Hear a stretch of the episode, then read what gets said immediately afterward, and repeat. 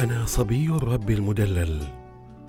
أنا هذا الذي يدعه القدير يجرب يتركه يلخبط.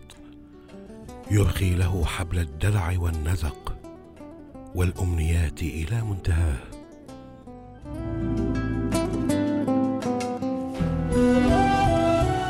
الرب وحده يعرف جيدا أن هذا الصبي لا يستغل الكرم بشكل سيء. لا يذهب بعيدا وإن تمادى فإنه لا يؤذي. أو على الأقل لا يحب أبدا أن يؤذي ولا يتعمد ذلك.